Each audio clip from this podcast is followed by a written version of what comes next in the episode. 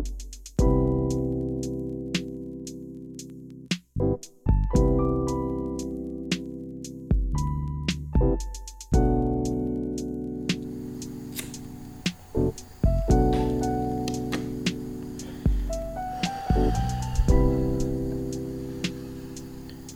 silakan duduk. Selamat datang di Ruang Singgah. Kali ini kita memasuki episode ke berapa? Ke 10 ya. Uh, ya di ke episode di episode kali ini gua mau sedikit membahas tentang sesuatu ya. Tapi kali ini gua sendirian. Dan Oke sebelumnya uh, apa ya? Terima kasih ya sekali lagi seperti biasa ya. Terima kasih. Ntar nyalain rokok dulu.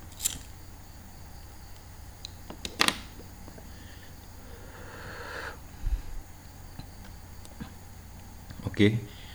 Terima kasih buat teman-teman semua yang udah dengerin Ruang Singgah di episode sebelumnya ya. Semoga uh, apa ya bisa menghibur kalian lah ya dalam kondisi seperti ini.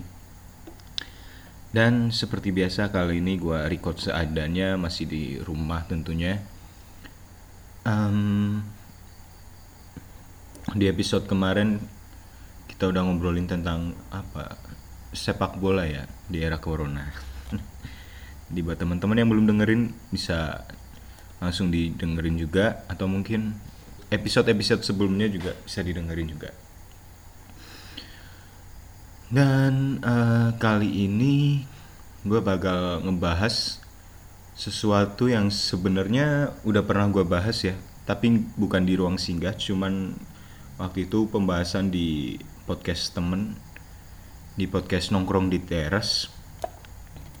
Mungkin nanti kalian habis dengerin ini langsung dengerin podcast nongkrong di teras ya. Pembahasan kita kali ini adalah tentang salah jurusan itu uh, kenapa gue ngambil tema ini karena menurut gue uh, salah jurusan adalah hal-hal yang mungkin jadi momok juga ya karena itu mungkin karena ya terlalu dibesar-besarkan oleh kitanya sendiri sehingga itu jadi momok buat buat kita sendiri atau bahkan orang lain atau bahkan adik-adik kita yang mau daftar kuliah. Jadi di tema ini gue nanti bakal cerita sedikit tentang uh, ya tentang perjalanan perjalanan gue buat sampai di titik gue berada di jurusan sekarang tentang mungkin dibilang apa ya keinginan gue sebenarnya di jurusan apa. Dan mungkin uh, tadi juga sudah sempat uh, nyoba minta pendapat sama teman-teman di Twitter. Dan alhamdulillah sekarang ada ya yang respon ya walaupun cuma satu orang. Karena ya alhamdulillahin aja cuy. Kita harus bersyukur. Terima kasih ya. Uh, tadi gue udah ngelempar um, apa ya sebuah mungkin obrolan ya bukan obrolan sih. Gue udah minta pendapat sama teman-teman gue di Twitter dan uh, ada teman gue yang jawab ya. Namanya Mbak Bella. Tapi nanti akan gue sampein pendapatnya dia di mungkin di pertengahan ya mungkin ya. Uh, langsung aja ya mungkin ya dari pengalaman gue sendiri. Jadi uh, kita tarik mundur. Uh, mungkin ini pernah di pernah gue obrolin di podcast di episode ke berapa ya uh, pertama mungkin ya waktu perkenalan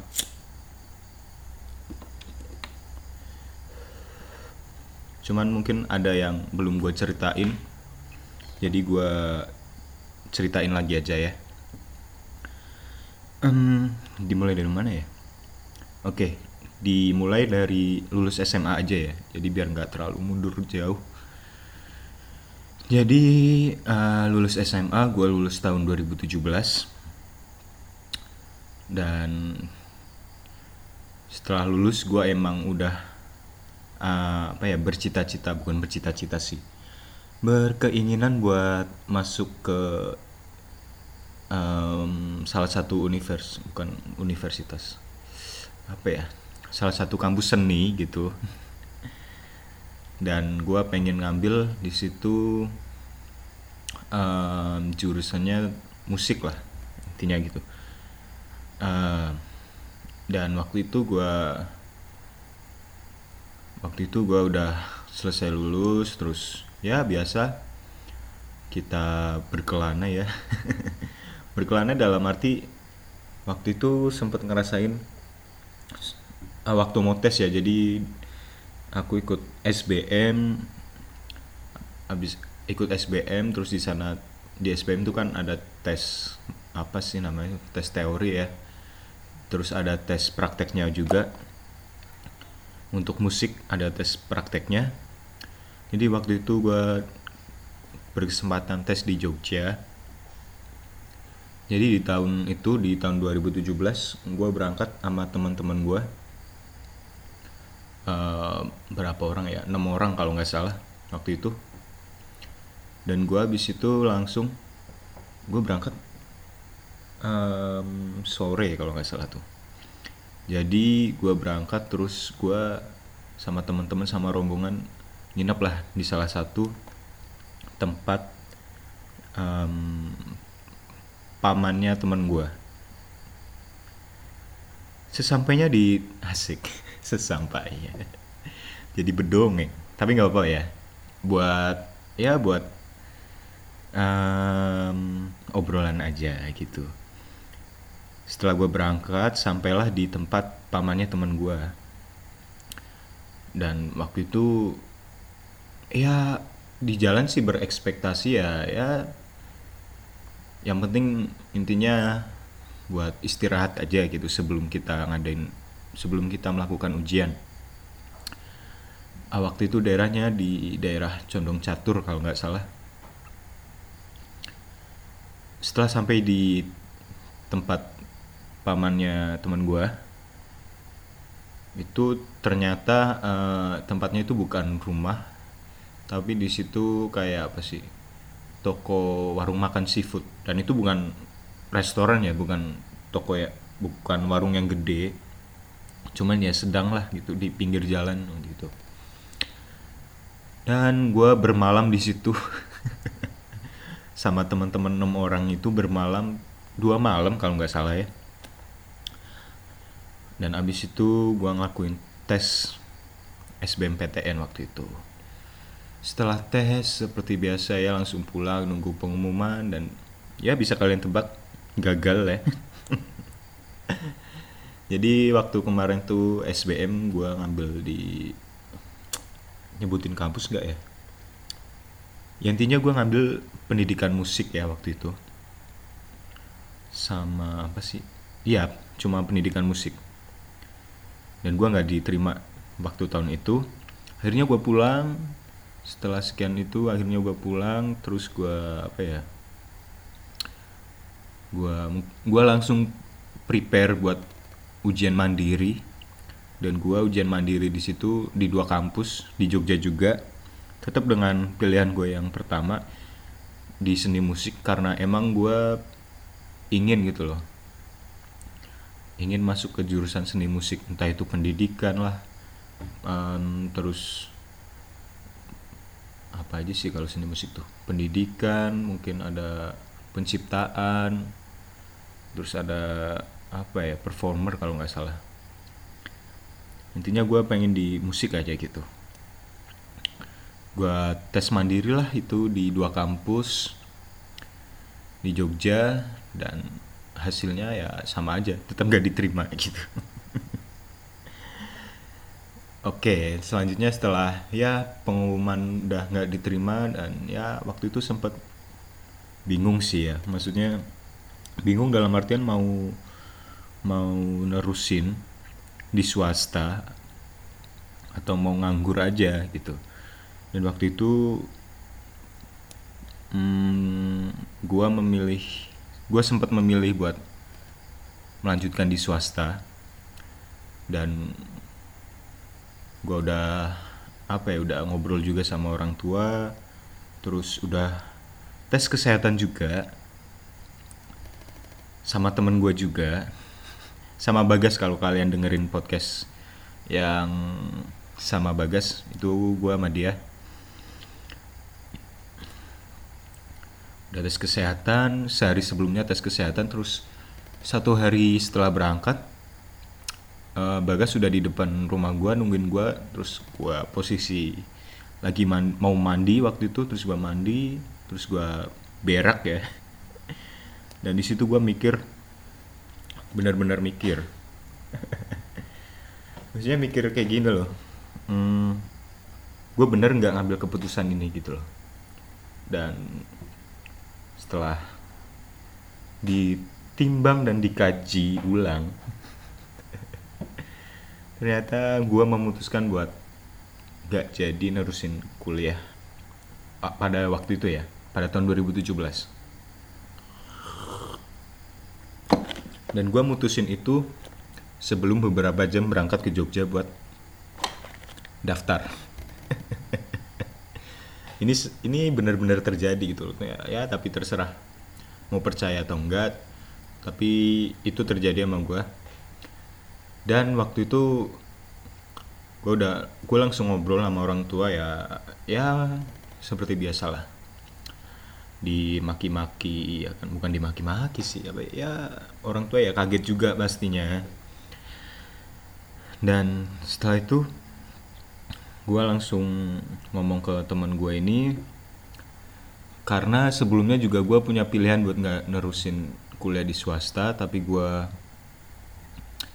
uh, memilih untuk menjalankan apa sih kursus ya waktu itu. Iya kursus. Jadi gue memilih untuk uh, mengikuti kursus seni musik. Namanya um, gue ikut Purwacaraka Musik Studio. Eh musik studio. Purwacaraka Musik School kalau nggak salah namanya itu. Cuman punya Pak D Purwacaraka dan itu tempatnya di Purwokerto sementara rumah gue di Kebumen ya. Jadi di hari itu gue nggak berangkat ke Jogja, tapi gue berangkat ke Purwokerto buat daftar di tempat kursus musik itu. Dan ya gue samperin ke tempat kursusnya, gue kursus. Dan gue dapet jadwal di um, akhir pekan, yaitu setiap hari Sabtu. Waktu itu pertemuan satu minggu satu kali. Waktu hmm, dan bayarnya ya ya lumayan sih. Tapi nggak masalah sih karena gue punya keinginan buat masuk ke seni musik gitu. Makanya gue ngambil kursus di musik. Setelah daftar gue balik di rumah gue berpikiran juga gue mau ngapain ya eh, selama satu minggu selain um, kursus. Karena emang gue jadwal kursus di akhir pekan doang dan di weekdays gue dan di hari-hari biasa gue bingung gue nggak ngapa-ngapain waktu itu. Gue cuman ya keseharian biasa lah orang-orang nganggur ya. Karena nganggur waktu itu adalah merupakan pilihan gue ya. Dan menurut gue keputusan gue buat nganggur kemarin cukup tepat ya. Cukup tepat sih menurutku ya dengan yang gue rasain sekarang ya. Dari segi dari segi mental sih sebenarnya bukan dari segi uh, mungkin wawasan atau apa kalau wawasan pemikiran ya masih cetek-cetek aja sampai sekarang juga. Tapi kalau dari segi mental ya itu cukup membangun sih. Anyway balik lagi ke um, keputusan gue waktu itu gue ya setelah gue dapet jadwal dari Purwacaraka dan di situ dapat jadwal di weekend doang di hari Sabtu dan gue berputar otak memutar otak untuk memikirkan um, gue mau ngapain ya di hari-hari biasa gitu loh di hari-hari kerja? Dan pada akhirnya gue memutuskan untuk mendaftar ke salah satu stasiun radio um, di Kebumen.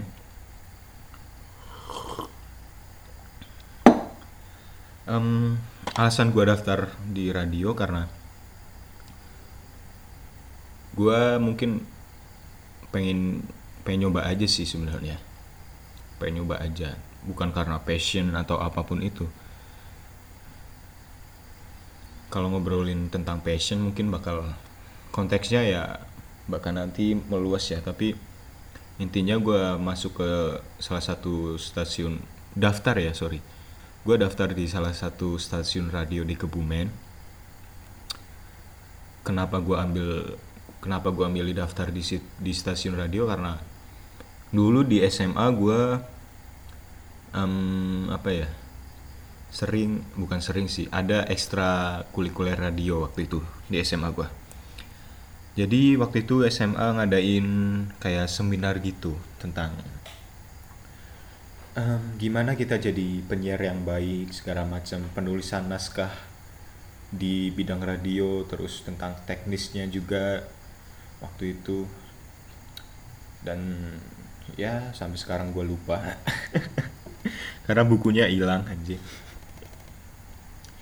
ya dari mungkin dari sedikit pengalaman gue itu gue memberanikan diri ke terjun ke mencoba mendaftar ke radio. Um, setelah gue ngisi uh, apa sih bilangnya persyaratan mungkin bu, persyaratan nggak terlalu ribet sih waktu itu cuman fotokopi fotokopi KTP waktu itu. Kalau nggak salah sama CV CV gitu. CV CV bener ya? CV CV CV setelah mengajukan itu semua terus gue tunggu beberapa hari ke depan gue dikabarin buat gue dikabarin sama pihak radionya buat training waktu itu. Oke lah gue berangkat ya kan? Satu hari gue berangkat bisa lanjut. Dua hari gue berangkat lanjut juga. Hari ketiga gue berangkat training siaran udah segala macem. Dan gue diputuskan untuk uh, bisa memulai siaran di minggu ke depannya jadi tiga minggu gue training um, satu minggu itu satu kali training ya. Jadi tiga minggu gue training di minggu keempat gue udah boleh siaran sama si empunya radio ini tapi kendalanya adalah mungkin ini kendala yang apa sih ya? Mungkin menurut lu um, apa ya?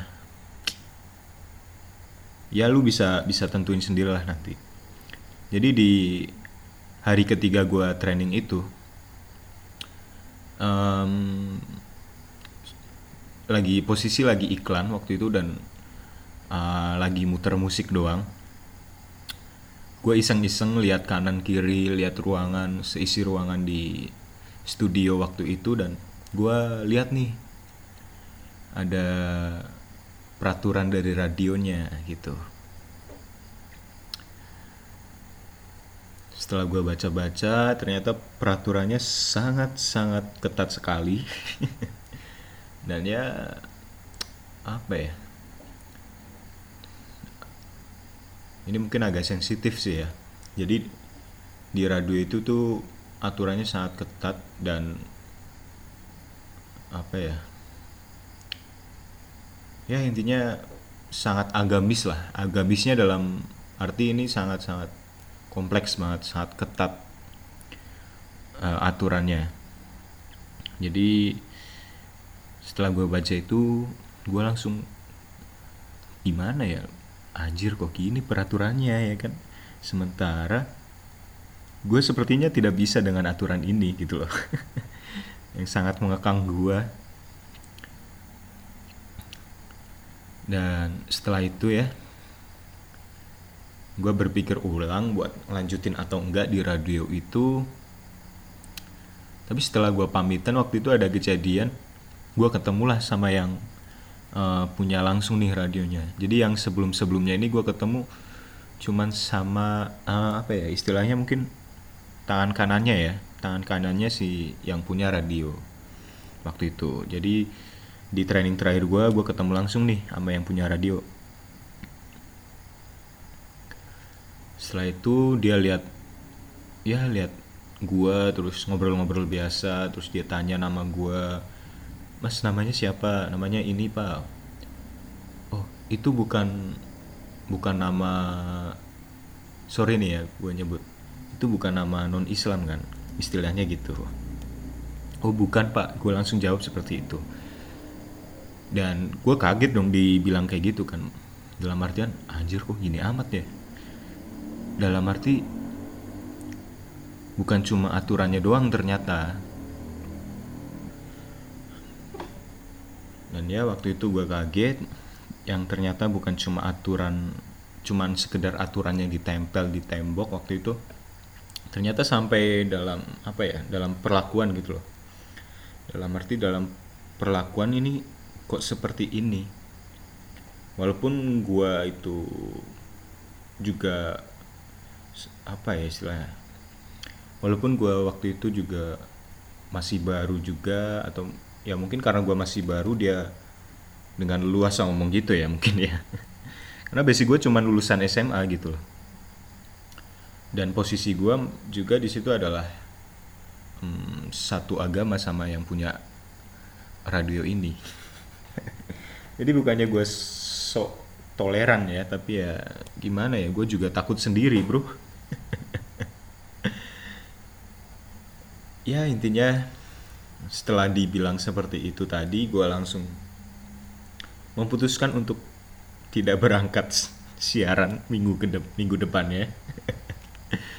Dan ya akhirnya selama hari hari biasa Senin sampai Jumat gue ya ya menjadi bapak rumah tangga.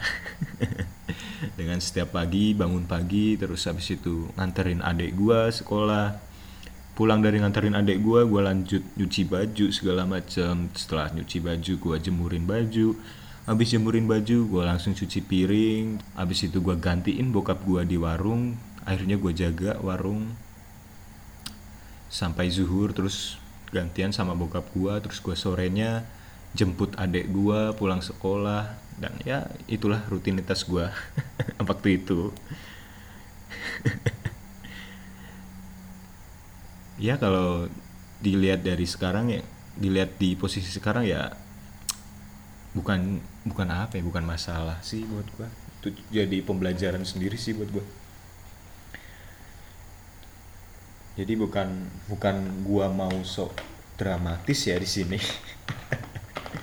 Tapi emang seperti itu keadaannya waktu itu. Jadi ya gue coba sharing aja satu tahun eh mungkin nggak ada satu tahun ya. Dan akhirnya tiba di mana pendaftaran kuliah pada tahun 2018 dan di tahun ini merupakan tahun gue masuk kuliah. Tapi sebelum gue masuk kuliah um, rintangannya sama yang gue hadapin juga waktu itu.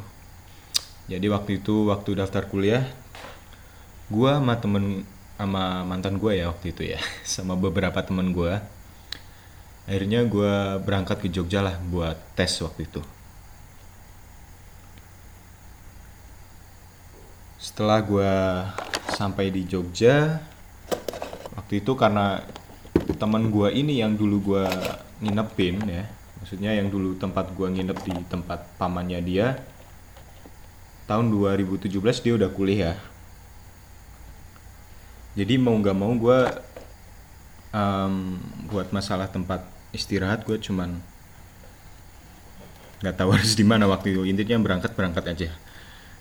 Ya mungkin karena sama sama apa ya? Mungkin karena sama pacar juga waktu itu ya jadi ya jadi ya nggak apa-apa sekalian jalan-jalan waktu itu terus apalagi ya? Oke lanjut. Setelah sampai di Jogja waktu itu gue sama teman gue dan cewek gue waktu itu gue langsung diajak ke tempat cowoknya kakaknya cewek gue nah agak ribet tuh. Jadi di tempatnya cowoknya kakaknya cewek gua itu dia kerja di sebuah klinik kayak gitu klinik terapi di Jogja dan gue diajak di situ buat mampir lah. Dan setelah sore gue diajak buat nginep di situ. Karena yang cowok cuma dua dan ceweknya waktu itu berapa sih? Empat kalau nggak salah ya. Empat ya atau mungkin lebih dari empat ya. Empat lima enam. Buset iya enam ya. Ternyata banyak banget ceweknya waktu itu. Cuman nggak tahu gue pastinya berapa intinya yang cewek mau disuruh tidur ke tempat kosnya si kakaknya cewek gue dan gue disuruh tidur di tempat di klinik itu di tempat kerja cowoknya mbaknya cewek gue waktu itu. Agak ribet sih emang. Dan gue nolak waktu itu ya karena bukan karena jual mahal atau apa ya mungkin karena malu aja karena gue tipikal orang yang belum kenal ya gue malu banget gitu. Nggak enak lah ya pada saat itu. Dan waktu itu gue ngomong ke cewek gue kalau gue ada kenalan di Jogja gue ada apa ya ada saudara di Jogja jadi gue bilang gue mau nginep di tempat saudara gue dan sebenarnya gue bohong waktu itu. Akhirnya gue nginep di masjid waktu itu nginep di masjid subuh bangun abis itu gue langsung jemput cewek gue buat um, tes juga waktu itu di Jogja. Eh sorry bukan. Dia yang nganterin gue tes sih sebenarnya. Jadi uh, waktu itu gue yang tes dia nganterin doang. Dia sebenarnya main juga sih di Jogja ke tempat kakaknya waktu itu. Jadi cewek gue yang waktu itu ya dan sekarang udah jadi mantan gue gitu loh bro ceritanya itu di tahun dua sorry itu tadi di tahun 2018 di pendaftaran tahun 2018 ya. Sama gue seperti tahun sebelumnya gue daftar SBM waktu itu. Melalui SBM juga ngambil kampus yang sama. Jurusan jurusan yang sama di seni musik juga. Dan gue gua tes lah di situ SBM gua ujian teori abis itu praktek. Dan karena di seni musik itu mungkin di salah satu kampus di Yogyakarta itu ada seni musiknya. Cuman di situ pendidikan seni musik ya waktu itu. Ini masih SBM posisinya. Um, dan gue tes praktek lah akhirnya. Setelah teori itu semua selesai akhirnya gue tes praktek. Um, dan gue kaget ketika di praktek itu yang bawa bas cuman gue doang gitu loh. Jadi gue um, mungkin ya sedikit fun fact lah ya. Gue pegang instrumen bass ya waktu itu. Sampai sekarang juga sih sebenarnya. Jadi waktu itu gue praktek ujian dengan menggunakan bass, gitar bass. Dan setelah gue datang ke tempat ujian itu gue kaget karena semua itu kebanyakan pada bawa gitar, terus ada alat musik tiup kayak saxophone lah segala macam, terus ada bawa biola. Intinya yang bawa bass itu waktu itu dibilang mungkin gak ada sih waktu itu. mungkin ya atau mungkin gue nggak ketemu cuman um, yang gue lihat itu cuman gitar biola dan sorry gitar biola dan apa tadi? Saxophone. Jadi yang bawa bass itu um, gue nggak ketemu sama sama peserta yang bawa bass. Dan gue bawa bass waktu itu. Dan yang ujian di situ rata-rata pada main apa ya klasik klasik atau mungkin jazz juga. Kalau jazz masih masih bisa sih karena gue juga emang waktu itu bawain salah satu lagu jazz buat tes praktek. Oke lah gue nyampe di uh, satu gedung tempat gue tes praktek waktu itu. Dan gue tinggal nunggu panggilan aja buat masuk buat tes. Setelah gue masuk tes segala macem tes sudah dilakukan dan akhirnya tibalah wawancara waktu itu. Wawancara bla bla bla bla kelar dan em, ini yang menurut gue brengsek banget sih. Bukan brengsek apa ya, ya cuman lucu aja gitu lah. Kalau dilihat sekarang ya kalau dulu mah brengsek brengsek aja. Jadi setelah tes wawancara itu si penguji ini dia ngelempar satu pertanyaan ke gua. Jadi gini dia bertanya dia tanya gini "Em, mas dia bukan tanya sih sebenarnya. Dia kayak ngasih ngasih sesuatu apa ya ngasih sesuatu perencanaan mungkin ya. Dari perencanaan dari kampusnya dari jurusan di kampusnya. Em, babak-babak penguji ini bilang Mas em, ini sebenarnya ada rencana kalau em, tentang instrumen bass dan cello atau kontrabas itu akan dihapuskan mas. Karena peminatnya tidak ada. Jadi besok kalau masnya keterima berarti masnya em, bisa masuk. Karena ada kuota di situ. Tapi kalau masnya tidak ad- tidak keterima berarti emang udah dihapuskan waktu itu. Dia bilang kayak gitu di saat gua abis selesai tes praktek dan wawancara dengan optimisme gua yang menggebu-gebu waktu saat itu ya. Dia bilang kayak gitu dan gue udah lama sih anjing ini gimana maksudnya cuy? Gue udah jauh-jauh ke sini udah tes udah praktek kayak gini. Kenapa dia baru ngomong setelah gue selesai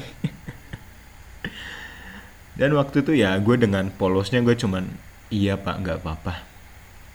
Em, apa pun hasilnya nanti ya intinya saya cuman mau mencoba untuk menyalurkan keinginan saya gitu loh.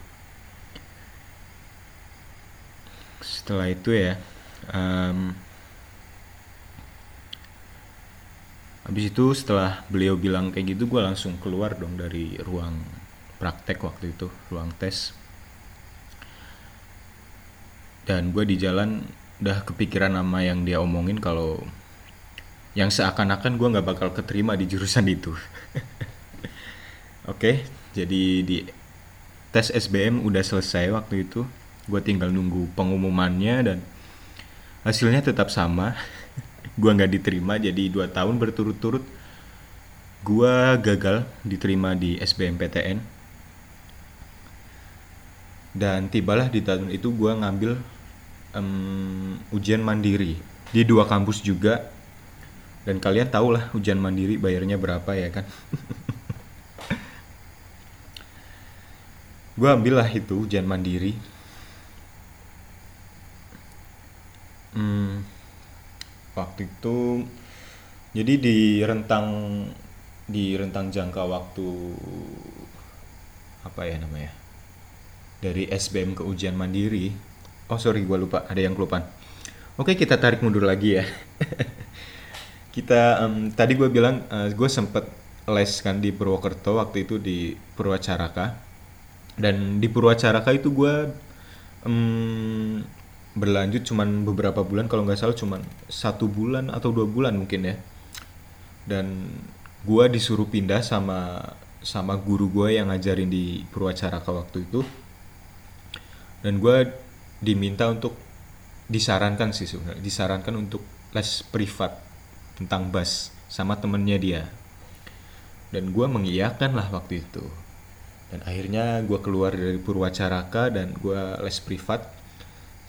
Guru gue ini waktu di Purwokerto ini dia pegang gitar klasik ya. Di Purwacaraka dia ngajarin gitar klasik. Mas Koko namanya.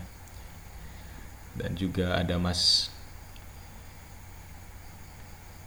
Mas Didit ya waktu itu ya? Eh Mas Didik Mas Mas Dodik. Anjir gue lupa aja guru gue lupa gue intinya temennya dia lah yang ngajarin gue bass yang sangat berjasa. Intinya ya mereka mereka lah beliau beliau yang sangat berjasa dalam kehidupan gue asik. Setelah gue apa ya les privat setelah berhenti di Purwacaraka gue les privat sama temennya Mas Koko ini.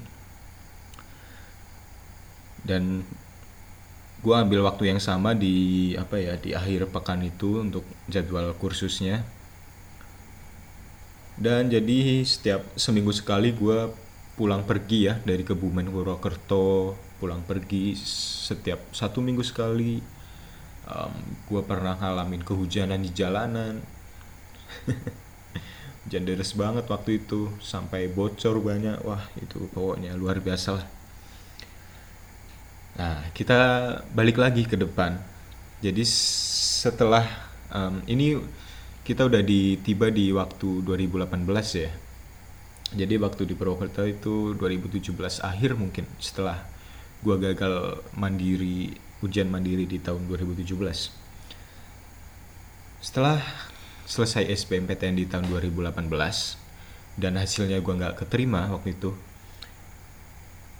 gue ada rentang waktu buat ujian mandiri. Dan di situlah gue um, selama itu gue masih sering bolak-balik. Abis dari SBMPTN ya gue sering bolak-balik ke Purwokerto untuk lanjutin kursusnya. Dan gue sharing ke guru gue buat ngajarin um, kalau gue mau masuk ujian ujian mandiri di salah satu kampus di Yogyakarta. Dan gue ngambil seni musik waktu itu. Um, guru gue ini langsung ngerespon kalau dia nyaranin buat gue langsung ke Jogja aja waktu itu. Nanti di Jogja gue disuruh kursus. Adalah kenalan dia jadi salah satu dosen di universitas itu ya jadi gue disuruh kursus sama beliau.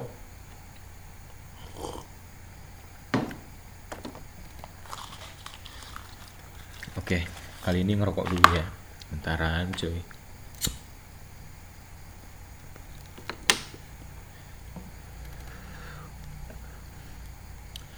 Jadi gue disuruh kursus ya sama guru gue yang di Purwokerto untuk kursus sama salah satu dosen di univ di kampus di Jogja dan gue kursus bener-bener khusus um, buat masuk ujian mandiri waktu itu.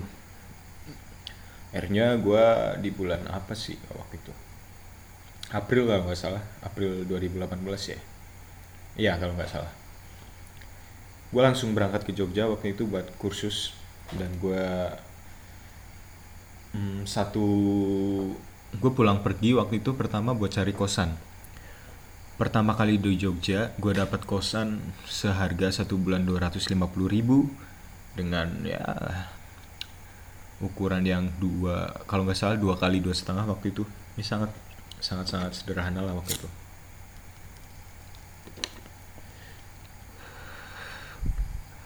Sampai saat ini juga sih sebenarnya. Jadi oke okay, gue habis um, gue waktu itu udah cari kosan gue nemu lah kosan ini gue itu nemu kalau nggak salah abis maghrib gue nemu kosan ini dengan harga yang murah banget waktu itu 250 ribu per bulan. Gue ditemenin salah satu teman gue teman SMA gue dan selepas maghrib kita langsung pulang balik lagi ke ke Kebumen. Karena emang awalnya kita cuman nyari kosan doang gitu loh. Ternyata nyari kosan nggak secepat yang kita kira gitu dari pagi gue berangkat dan gue cuman nemu di waktu maghrib doang. Gue bisanya nemu di maghrib itu. Dan setelah nemu ya gue balik lagi sama temen gue ke Kebumen di perjalanan ya dengan keadaan hujan waktu itu. Dengan ya intinya mantol seadanya kita basah kuyup waktu itu. Terus habis itu di kalau nggak salah tuh di Wates Polres eh Polres Polsek ah nggak tahu banget itu kantor polisi. Kantor polisi di Wates motor gua bocor. Dan di situlah struggle kita struggle gua sama teman gua mulai diuji ya.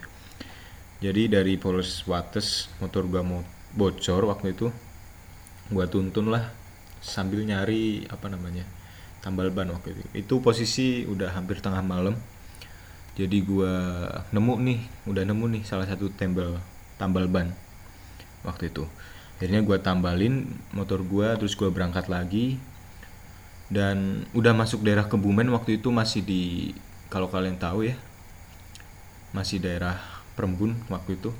Jadi daerah Perembun itu ketika ya masih dekat perbatasan perbatasan sama Purworejo waktu itu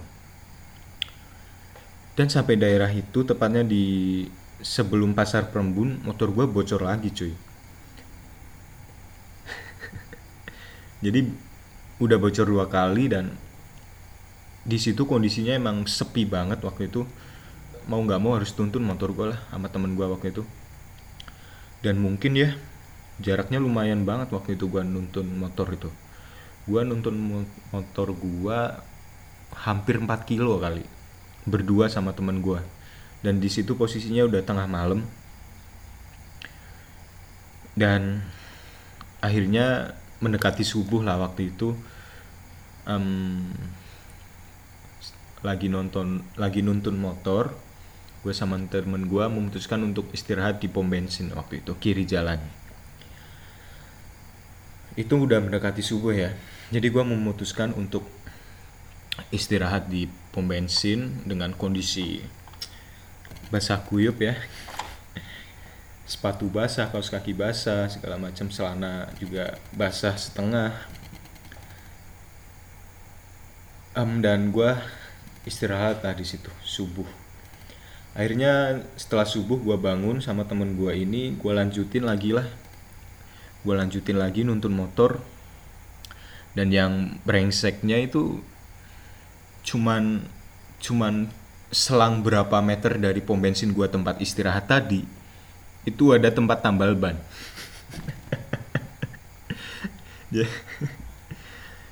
Dan gue sama teman gue ya langsung ih saat ini emang. Dan itu buka 24 jam cuy.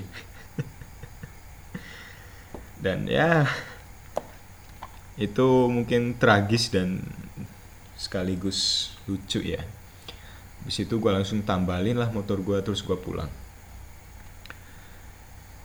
Dan setelah selang beberapa hari gue putuskan gue langsung balik lagi ke Jogja buat memulai kursus sama guru gue yang baru ya waktu itu. Gue mulai kur kursus setelah satu bulan kursus berjalan satu setengah bulan kursus berjalan berjalan. Sampai tiba waktunya gue mendekati ujian mandiri waktu itu jadi di kursus ini gue belajar tentang biasa ya teknis kayak gitu. Terus gue belajar not balok waktu itu. Dan setelah tiba waktunya ujian mandiri itu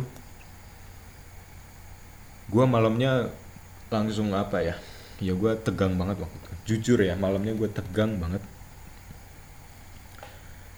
Dan gue langsung benar-benar fokuskan ke teknis gue cara main gue nanti di ujian praktek gitu loh. Dan tibalah waktu itu. Di waktu di ujian mandiri tiba gue masuk ke ruangan. Pertama gue adalah wawancara eh sorry pertama langsung praktek ya. Dengan percaya kepercayaan diri gue yang semalam gue lembur buat ngerjain aransemen ngulik lagu yang mau gue bawain. Pokoknya persiapan gue itu udah maksimal waktu malam itu ya. Oke lah gue masuk ruang praktek gue perform di situ. Perform udah selesai gue lega dong pasti. Gue ngerasa gue bisa tenang waktu itu. Dan abis itu ujian praktek dilanjutin dengan not balok baca not balok dan di sinilah kesalahan gue jadi gue bener-bener blank waktu itu tentang soal yang dikasih sama sama yang nguji gue waktu itu. Gue bener-bener blank. Padahal itu padahal yang uji gua itu adalah guru guru les gua sendiri waktu itu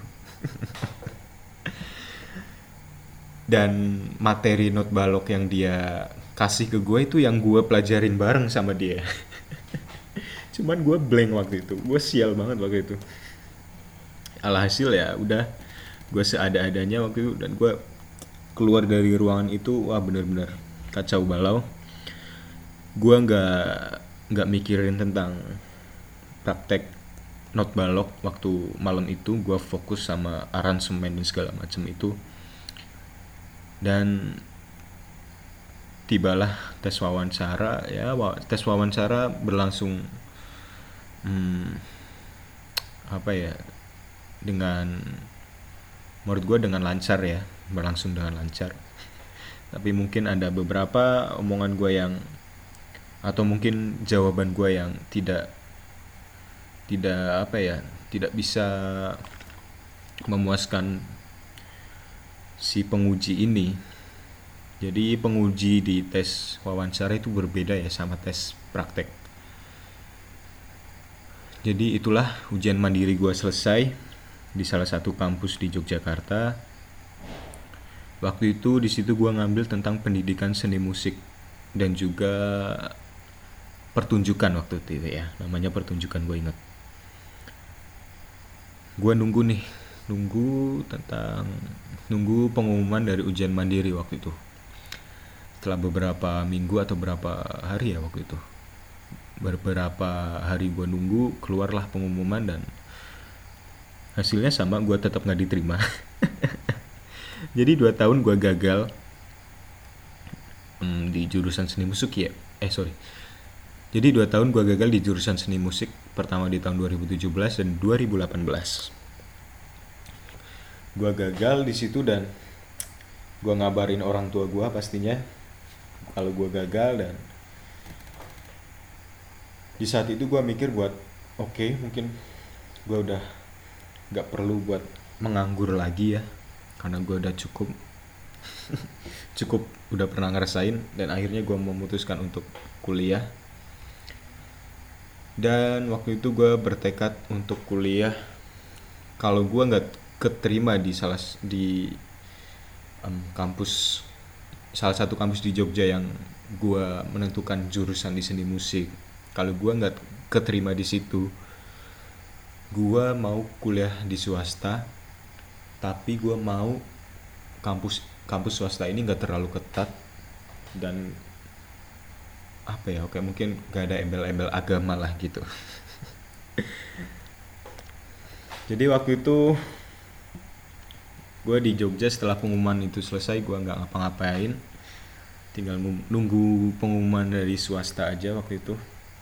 Dan akhirnya gue memutuskan buat mendaftar di salah satu kampus swasta di Yogyakarta kampus gue yang sekarang ini.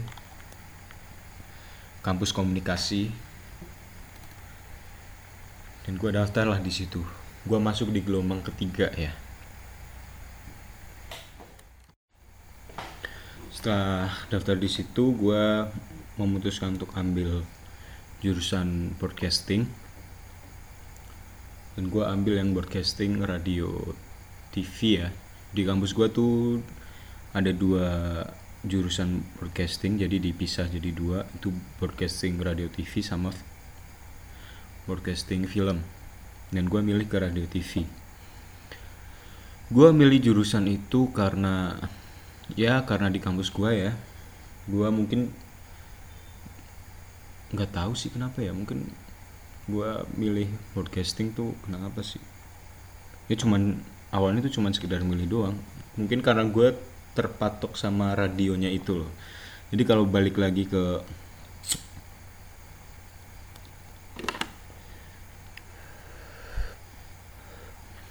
jadi kalau balik lagi ke pengalaman gue dulu di dunia radio cek lah padahal belum punya pengalaman sama sekali. Nggak tahu kenapa ya gue gue milih itu aja gitu intinya mah.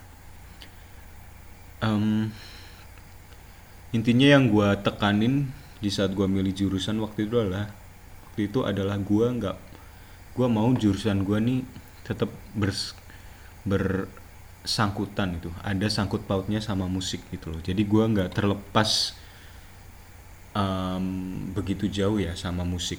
Walaupun gue nggak diterima di jurusan musik tapi setidaknya gue masih bisa bermusik lah. Oke lah masuklah gue kuliah waktu itu selama ya satu semester gue jalanin dua semester dan waktu itu gue ada sempat kepikiran lagi ya buat mencoba daftar di jurusan musik lagi. Waktu itu gue sempat ngobrolin juga ke orang tua. Akhirnya gue ketemulah ke guru gue yang apa ya mungkin bisa dibilang bukan guru. Ya guru lah. Tapi dia kakak seperguruan gue kakak seperguruan gue di Purwokerto waktu itu. Gue ketemu dia di salah satu komunitas jazz salah satu komunitas jazz di Jogja. Halo Valina. Apa kabar? Jadi gue ketemu dia di salah satu komunitas jazz di Jogja terus gue ngobrol-ngobrol lah sama dia. Terus gue apa ya bilang gini ke dia. Gue ngomong e, mas aku pengen coba masuk ke sini lagi ke jurusan musik ini. Um, aku ya aku jujur emang mau minta belajar sama dia gitu loh. Aku minta belajar sama mas buat masuk ke jurusan ini. Dan jawaban yang dia kasih ke gua sangat apa ya ngebuka pikiran gua waktu itu. Jadi dia bilang gini e, oke okay, gua mau ngajarin lu gak? Kalau alasannya cuma buat masuk ke jurusan ini cuma buat masuk ke kampus ini mending gak usah deh dia bilang kayak gitu. Padahal posisi dia di situ adalah dia juga merupakan uh, apa ya mahasiswa di kampus itu juga atau mungkin sekarang udah naik jadi dosen muda kalau nggak salah sih waktu itu. Dengar kabar dia. Dia bilang kayak gitu ke gue dan otomatis nggak tahu ya secara langsung aja dia ngebuka pikiran gue oh oke. Okay. gue bisa nih gitu loh gue bisa nih buat belajar tanpa harus masuk ke sebuah instansi atau sebuah kampus. Gue masih tetap bisa belajar dalam artian belajar musik gitu loh. Dan akhirnya di situ gue mulai dah menerima gue mulai menerima oke okay, nggak apa-apa. Yang penting gue tetap bisa berkegiatan bermusik di sini jadi sampai sekarang deh gue ngelakuin ini. Di jurusan broadcasting sampai sekarang. Dan gue ngerasain gue ngelakuinnya fine fine aja nggak ada masalah. Ya masalah cuma masalah masalah biasa lah masalah perkuliahan kan kayak um, tugas kebanyakan. Terus apa lagi? Uh, nggak punya gebetan baru asik. Terus uh, nongkrong keseringan jadi duitnya boros. Dan ya masalah lah masalah-masalah standar menurut gue ya masalah-masalah standar mahasiswa baru pada umumnya seperti itu yang gue rasain. Sampai sekarang gue ngerasa enjoy di jurusan gue saat ini. Dan ya begitulah. Anjing gue cerita perjalanan gue panjang juga ya jadi mungkin ini akan gue percepat ya buat ngebahas tentang um, salah jurusan menurut persepsi gue itu gimana. Oke. Okay? Uh, jadi sebelum kita bahas ke salah jurusannya teman-teman. Ini gue ya yang tadi gue ceritain temen gue ada Nona Bella. Jadi gue habis lempar apa ya bukan lempar sih. Gue habis minta pendapat ke teman-teman gue di Twitter. Bukan teman-teman sih gue habis nge-tweet. Jadi kalau lu mau nge-follow boleh.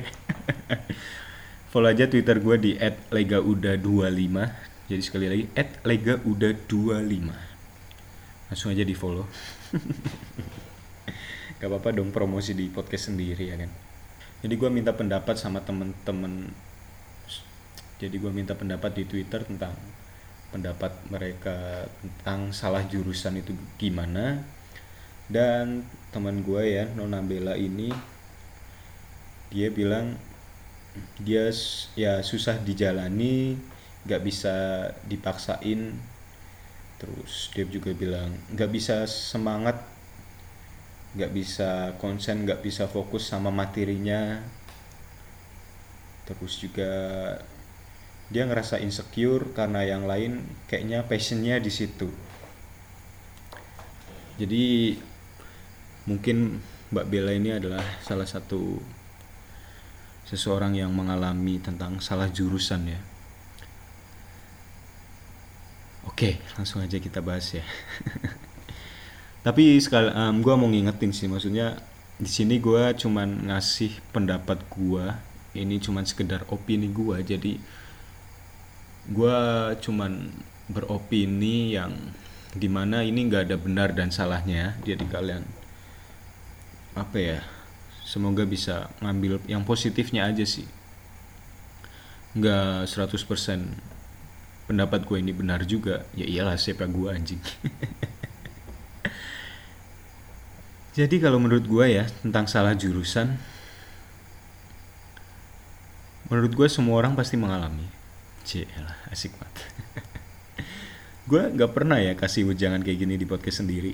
Oke kita mulai ya ujangannya menurut gue um, semua orang pasti mengalami itu ya. Cuman tinggal gimana orang ini merespon um, yang dia alami yaitu tentang dia salah ambil jurusan. Tinggal gimana dia ngerespon itu. Cara dia menyikapinya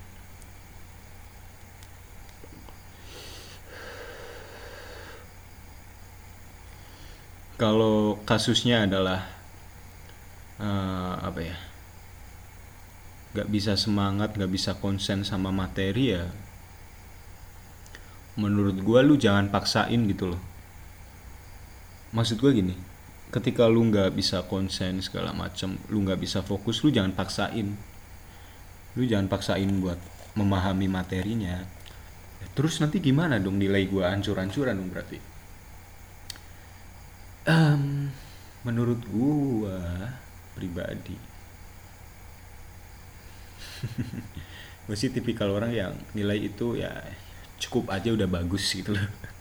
Jadi nggak usah mau yang nilainya A atau berapa berapa lah. Kalau gue gue nggak pantas nerima nilai A. Jadi kalau gue lebih ke arah nggak um, usah dipaksain kalau emang kita nggak bisa fokus buat uh, ngejalanin materinya nggak usah dipaksain. Intinya kita perluas wawasan aja. Jadi kita nggak usah saklek ke materi yang kita pelajari. Bisa juga kita ambil referensi lain ya karena mungkin masalahnya gini. Mungkin ya kenapa kita nggak bisa fokus sama materi? Mungkin karena referensi kita yang terlalu sedikit. Jadi ya mungkin kebetulan ya dosen yang menyampaikan materi itu dia cara menyampaikannya kurang baik ya. Jadi kita jadi kita sulit memahami memahami materinya. Begitu ya ibu dosen. Sebenarnya kalau menurut gue ya itu emang salah dari bukan salah sih itu emang um, mungkin ya mungkin apa sih kesalahan? Oke kita bilang kesalahan aja. Kesalahan dari dosennya sendiri karena tidak bisa menyampaikan materi dengan baik. Tapi ya kita sebagai mahasiswa ya kalau emang kita nggak bisa menangkap apa yang dijelasin oleh dosen ya kita harus bisa cari referensi lain. Kita carilah literasi lain buku-buku lain atau mungkin video lain yang relate sama yang sedang kita pelajari ini gitu loh kalau gue pribadi ya mena apa ya selama gue kuliah tentang mungkin tentang materi-materi yang gue hadapi di perkuliahan di jurusan ini tuh gue gue lebih ke enjoy aja sih serius. Jadi kalau ada tugas gue ya cuman sekedar cari-cari di internet aja terus gue tinggal kira-kira ini masuk nggak ya sama pertanyaannya. Ya gitu doang. Gue gitu doang ya. Bukan berarti harus wah ini gimana ini harus pokoknya uh, kalau kalau kata teori ini gimana ya? Kalau ini gue nggak gue nggak sepinter itu. Jadi gue ya sebisanya gue aja. Jadi nggak usah terlalu fokus. Kalau masalah fokus nggak fokus sebenarnya kan itu apa ya? Masalahnya di kita gitu loh. Jadi kalau emang nggak bisa fokus ya jangan dipaksa. Mending lu cari referensi lain tentang materi yang lu pelajarin gitu loh. Gitu mungkin pendapat gua. Terus juga misalkan salah jurusan ini ngebuat lu jadi ngerasa insecure karena yang lain tuh karena teman-teman lu kayaknya lu lihat mereka kayak anjing nih orang mungkin passionnya di sini gitu ya ya lu mah emang passionnya di sini gitu loh. Mungkin lu ngerasain gitu ya ke teman-teman lu yang mungkin dia emang pas gitu di jurusannya lu lihat. Cuman ya menurut gua um, gue sendiri pernah dibilang gini uh, sama ya adalah temen gue jadi ketika gue masuk kampus ini gue kan di jurusan broadcasting radio TV ya cuman gue sering terlibat di sama teman-teman gue yang anak film. Dan sering keterli, seiring keterlibatan gue kita produksi bareng-bareng brainstorming bareng-bareng. Gue ada di div, gua ngerjain di divisi ini. Kebetulan gua kalau di film biasanya ngerjain di divisi post production lah intinya.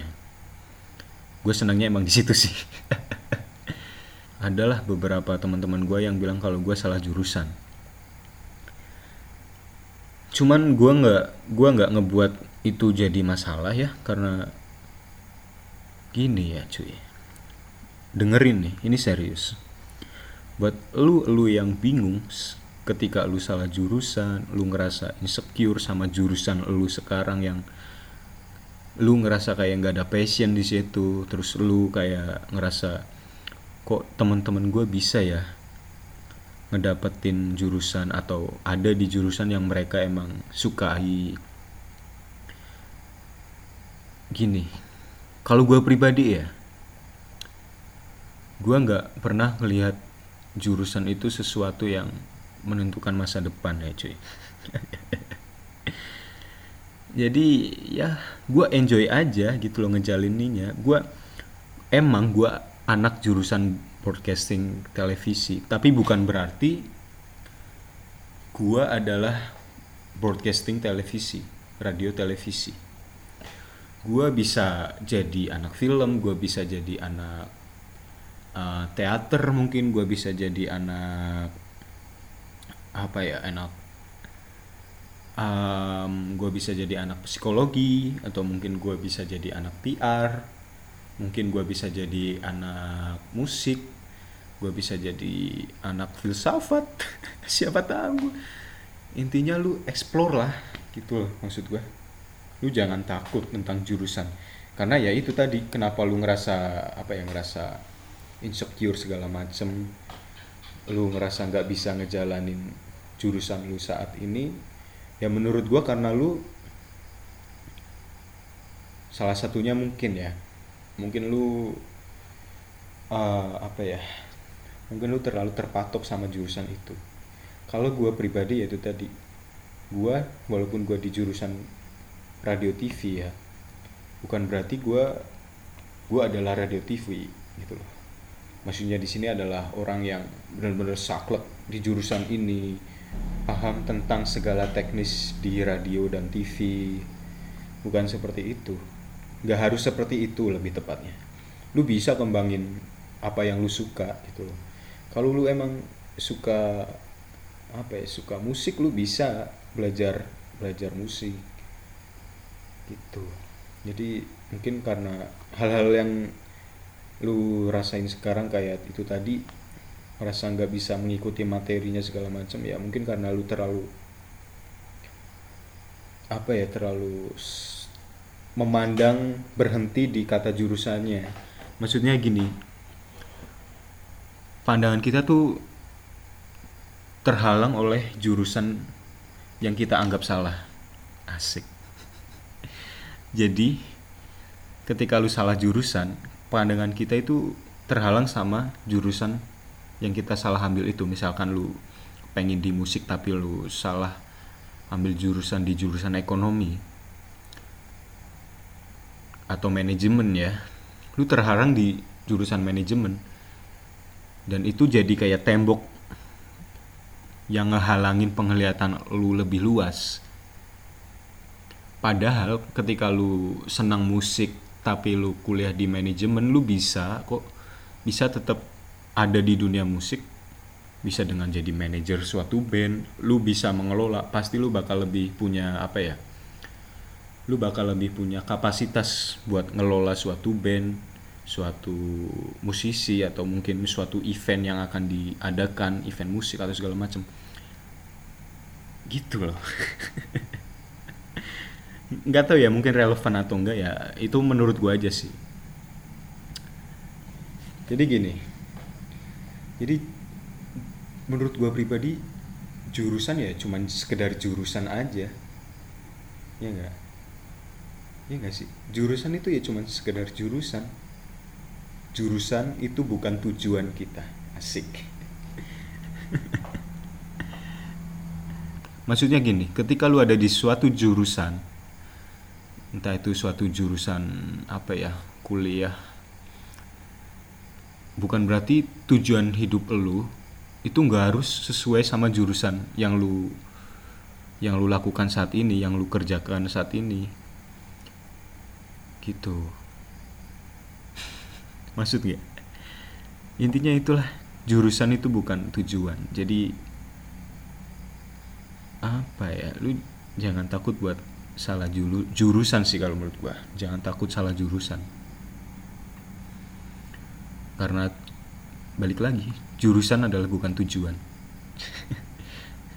Intinya tujuan kita tuh masih panjang gitu loh jurusan yang kita ambil sekarang mau itu kita benar-benar suka di jurusan itu atau kita salah ambil jurusan menurut gua pribadi itu belum tentu menentukan tujuan hidup kita ke depan ya cuy.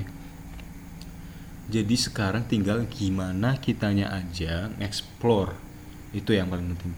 Kita explore diri kita sesuai apa yang kita mau untuk mencapai ke salah satu tujuan gitu.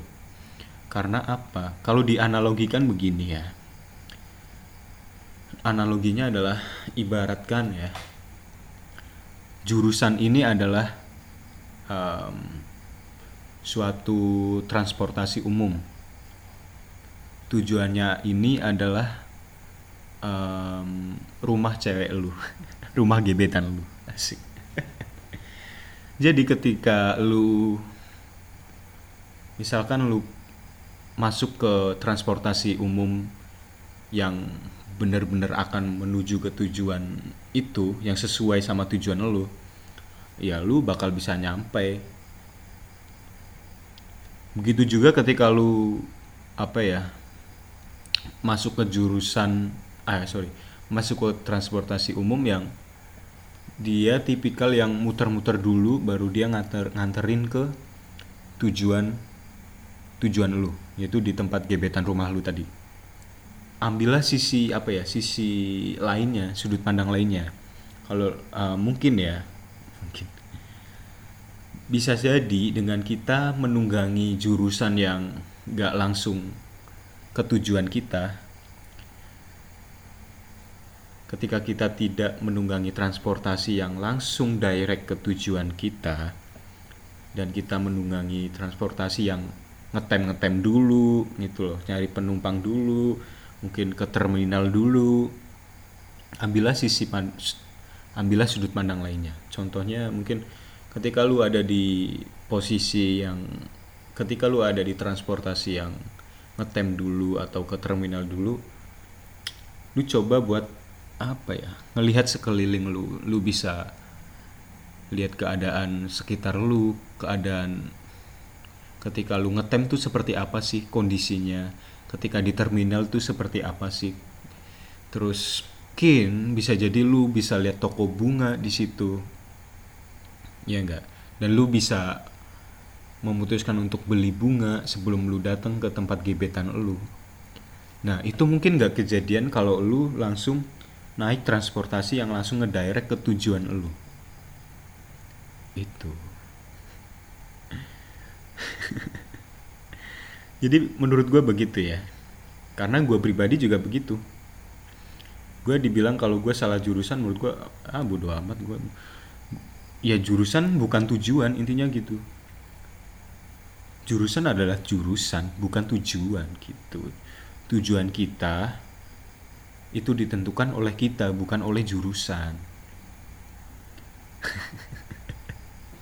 Anjir gila banget gue rekor nih ngomong sendirian satu jam lebih. Tapi ya itu sih pendapat gue ya tentang salah jurusan.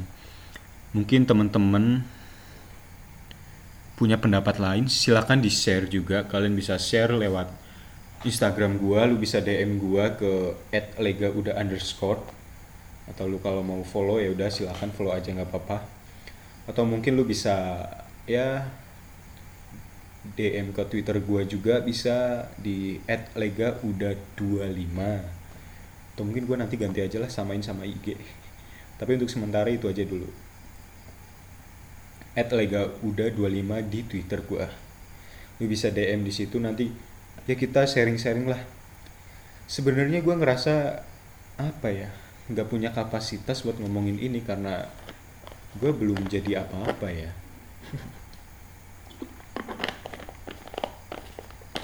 cuman gue coba ngasih sudut pandang gue aja.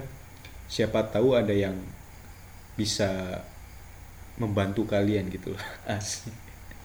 Anjing anjing kok gue jadi kayak guru BK jadi intinya gitulah podcast kali ini buat teman-teman sekalian. Kalau yang masih ngerasa salah jurusan masih pusing atau apa kalau teman-teman lu ada yang ngerasain seperti itu ya coba share podcast ini. Siapa tahu dia tambah pusing. Ya kita nggak tahu kan orang ras uh, orang mikirnya apa. Cuman kalau pendapat gue itu seperti ini. Jadi mungkin kalau misalkan ada yang apa ya ada yang sependapat nggak apa-apa. Kalau nggak ada yang kalau ada yang nggak sependapat juga nggak apa-apa. Ini cuman sekedar opini gue jadi nggak ada salah nggak ada bener ya. Oke ya mungkin segitu aja. Oh ya, kalau kalian mau request juga tentang pembahasan apa yang akan dibahas di next episode, lu bisa DM lagi-lagi, lu bisa DM ke @legauda di Instagram. Atau lu bisa DM di @legauda25 di Twitter. Dan mungkin sedikit intermezzo ya. Di podcast Ruang Singgah sekarang sudah mencapai total pemutaran sebanyak 139. Wow, terima kasih teman-teman semua yang sudah mendengarkan podcast Ruang Singgah pastinya. Kita sudah ya, sudah banyak sekali didengarkan sebanyak 139 pendengar. Oh, sorry. 139 kali diputar ya. Terima kasih yang sudah memutar podcast Ruang Singgah dan mendengarkan podcast Ruang Singgah. Semoga kalian sehat-sehat terus ya. ya, oh ya, mungkin kalau ada yang mau apa ya? Ada yang mau promo silakan promosi barang-barangnya ya. Yolah, sponsor sponsor sponsor sponsor boleh lah masuk ya. ya kalau ada yang mau kalau nggak ada ya nggak apa-apa lah.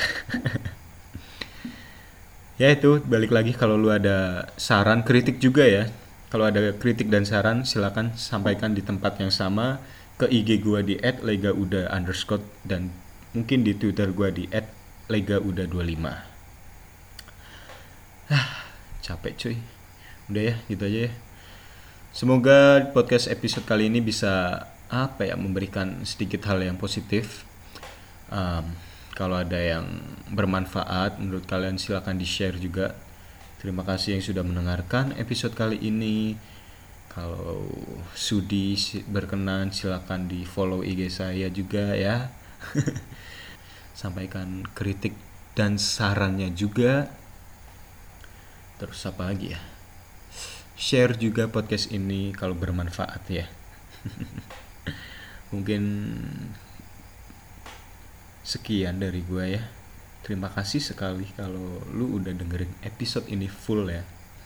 Maupun itu lu mau dengerin buat temen tidur atau buat temen di jalan atau mungkin lu yang dengerin podcast ini karena kepencet pokoknya terima kasih walaupun cuma kepencet ya terima kasih intinya.